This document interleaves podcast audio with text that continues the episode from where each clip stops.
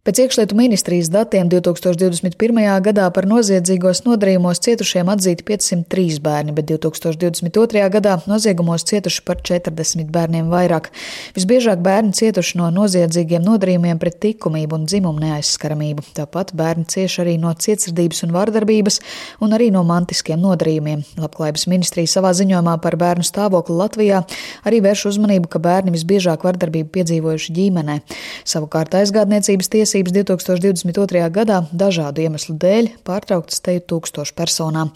Turpina ministrijas bērnu un ģimenes politikas departamenta vecākais eksperts Lauris Neikens par tātad cietušiem noziedzīgos nodarījumos, tas nu, bērnu skaits turas diezgan nemainīgā tajā skaitliskajā līmenī. Administratīvie pārkāpumi parāda, ka ir tiešām būtiski liels skaits bērnu, kas ik gadu cieši no fiziskas, emocionālas vardarbības, tāpat arī no tādas mazas bērnu apdraudošas situācijas atstāšanas bez uzraudzības, it sevišķi, ja to ir izdarījusi persona, kas ir apreibinošo vielu ietekmē, tāpat arī ir šie pārkāpumi saistībā ar bērnu iesaistīšanu smēķēšanā, alkoholisko dzērienu citu apreibinošo vielu lietošanā. Vienlaikus šajā ziņojumā norādīts, ka pēdējos gados ir samazinājies pašu nepilngadīgo paveikto noziegumu skaits no 533 līdz 510 personām, taču arī pērni ieslodzījuma vietās nonākuši kopumā 23 nepilngadīgie.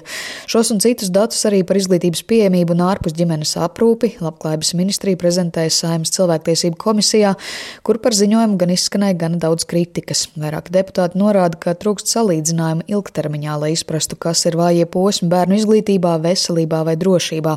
Turpinājumā Leilas Rasimis no Progresīvo partijas, Annas Rancāns no Jaunās vienotības, kā arī Latvija pirmajā vietā deputāts Lindas Liepiņas komentāri komisijas sēdē.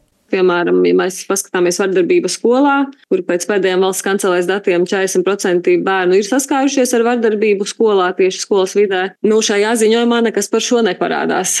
Un tāpat arī, piemēram, par bērnu nabadzību. Kāda ir situācija, kādas ir izmaiņas šajās lietās, kas tur ir darīts? Jā. Man arī ir jāpiekrīt Rasimas kundzei, ka ļoti daudz kas šajā ziņojumā neparādās, un man ir vispār daudz jautājumu. Piemēram, bija ziņojumā teikts, ka iestāžu un pašvaldību budžeti nu, to budžeta pieņemšanas procesā ir jāveic vērtējums, kā šie budžeti atbilst bērnu interesēm, kas šo vērtējumu veids un vai tas nu, kaut kur ir kāds novērtējums. Šis ziņojums ir savs ar kaut kādiem datiem, tas ir kaut kāds statistikas apkopams, un piedodiet, ka es tā ļoti kritiski gribēju vairāk saprast to bērnu profilu, jā.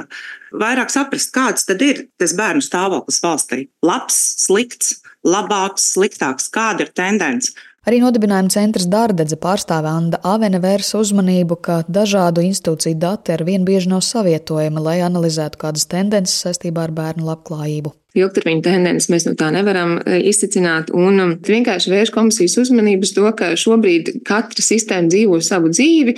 Policija uzskaita pārkāpumus pēc pantiem, sociālā sistēma uzskaita pārkāpumus pēc bērnu skaita.